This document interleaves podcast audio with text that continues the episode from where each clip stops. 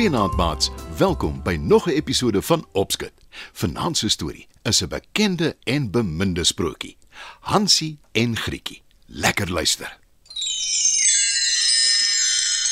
Lank, lank gelede was daar 'n boetie en 'n sussie. Hulle name is Hansie en Grietjie. Die twee kinders bly saam met hulle pappa, 'n houtkapper en hulle stiefma in 'n klein huisie naby 'n groot woud in 'n land ver hiervandaan. Dit gaan nie goed in die land nie. Daar's 'n droogte en die mense kry baie swaar. Hulle het baie min kos. Die houtkapper sukkel om die hout wat hy in die woud gaan kap te verkoop omdat mense te arm is om dit te bekostig. Dit gaan naderhand so sleg dat die stiefma een aand vir hom sê: Daar is net te min kos oor in die huis vir al vier van ons. Môre vat ons die kinders in die woud en dan los ons hulle daar. Hansie en Grietjie se pa is baie geskok en hy sê: Ons kan dit nie doen nie. Hulle sal nooit so op hulle eie aan die lewe kan bly nie. Ag nee, wat? Hulle is jonk. Hulle sal wel oor die weg kom. Maar as hulle hier bly, gaan ons almal omkom van die honger. antwoord die stiefma. Die pa dink 'n oomblik na en stem toe maar onwillig in. Wat hy en die stiefma nie weet nie, is dat Hansie alles gehoor het. Hy gaan na sy sussie toe en vertel haar die slegte nuus. Grietjie is baie ontsteld en na aan trane. Wat gaan van ons word, Hansie? Ons kan nie alleen in die woud bly nie. sê sy benoud. Maar Hansie troos haar en sê: Toe maar, ek het 'n plan. Ek het 'n stuk brood gegaps in die kombuis. Wanneer ons môre loop, strooi ek krummel so ver as wat ons gaan, dan sal ons ons pad terugkry huis toe en pappa sal ons terugvat. Ek weet dit. Dankie, Hansie. Dis 'n goeie plan. Ek voel nou sommer baie beter. antwoord Grietjie verlig. Die volgende oggend vroeg loop sy en haar boetie gewillig saam met hulle pa in die woud in. Nadat hulle 'n hele ruk geloop het, verduidelik hulle pa hartseer vir hulle hoekom hy hulle daar moet los. Hy maak 'n vuur sodat hulle die aand veilig kan voel. Toe groet hy hulle en hy begin traag terugstap huis toe. Môreoggend volg ons die krummels terug huis toe, Grietjie. Jy moenie bekommerd wees nie. sê Hansie. En die twee raak aan die slaap. Vroeg die volgende oggend begin Hansie en Grietjie aanstap. Maar tot hulle skok, sien hulle niks broodkrummels nie. Die voëls moes alles opgepik het. Roep Hansie benoud. Wat maak ons nou? Vra Grietjie bang. En Hansie antwoord moedeloos. Ek is jammer, sussie, maar ek weet regtig nie. Nes jy ken ek nie die woud nie. Dan moet ons maar begin aanstap en hoop vir die beste. sê Grietjie dapper. Die twee begin toe al verder en verder in die woud inloop. Hulle is later baie moeg en honger en hulle weet nie wat vir hulle voorlê nie. Maar toe, skielik, sien hulle 'n vreemde huisie voor hulle. Die mure en die dak is van gemmerbrood gemaak en die vensters en deure van lekker goed. Roep Grietjie opgewonde. Die twee kan nie hulle geluk glo nie en hulle begin om te smil aan die huisie. Maar toe, skielik, gaan die deur van die huis oop en 'n nare ou heks kom uitgeloop. En wat dink julle doen julle nare kinders? Vir wat eet julle my huis op? Die kinders skrik hulle boeglam. Die heks stamp hulle by die huis in en sê vir Grietjie: Jy kan my huis skoon maak "Toe," kyk sy na Hansie en sê: en vir jou gaan ek vet voer. Ek is lankal lus vir mensekindvleis. Sy gooi Hansie in 'n hok en sluit die deur toe. Die heks dra die sleutel dag en nag om haar nek. Arme Grietjie werk hard in die huis. Sy moet ook elke dag vir Hansie kos maak en vat. Die hele tyd is die twee bang die dag kom dat hy vet genoeg is sodat die heks hom kan opeet. Elke dag stap die heks na die hok toe.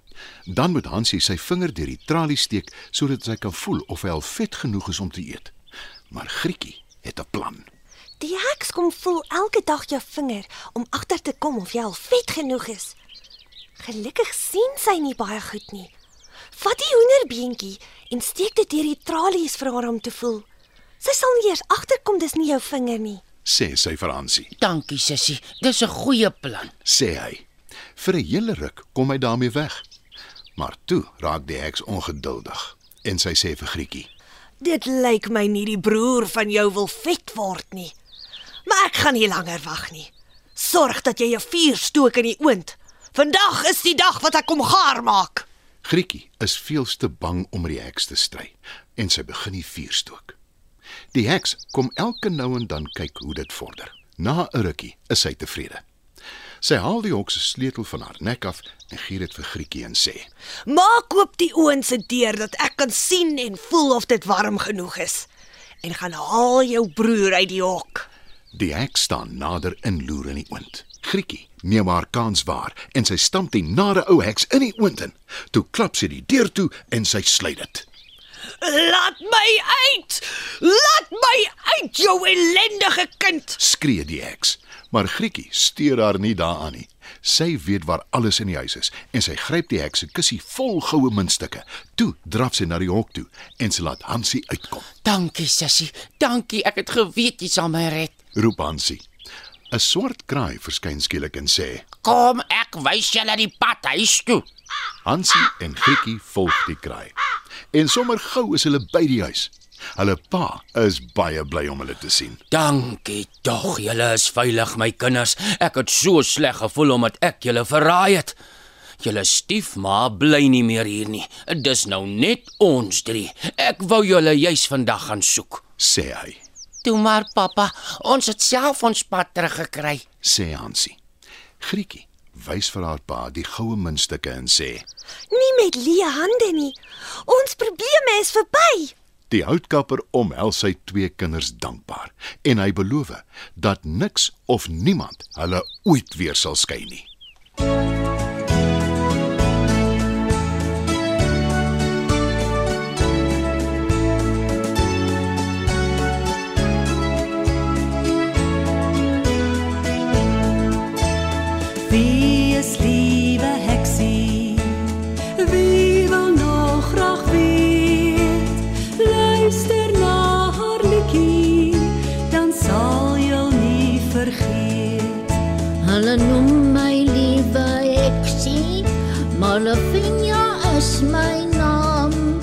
Ek's die slimste heksie wat ek ken en ek was al op die maan. Matthias is my maatjie, hy's die mooiste babakat. Ek weet nie wat hy sê nie, maar hy's 'n liewe skat. Waar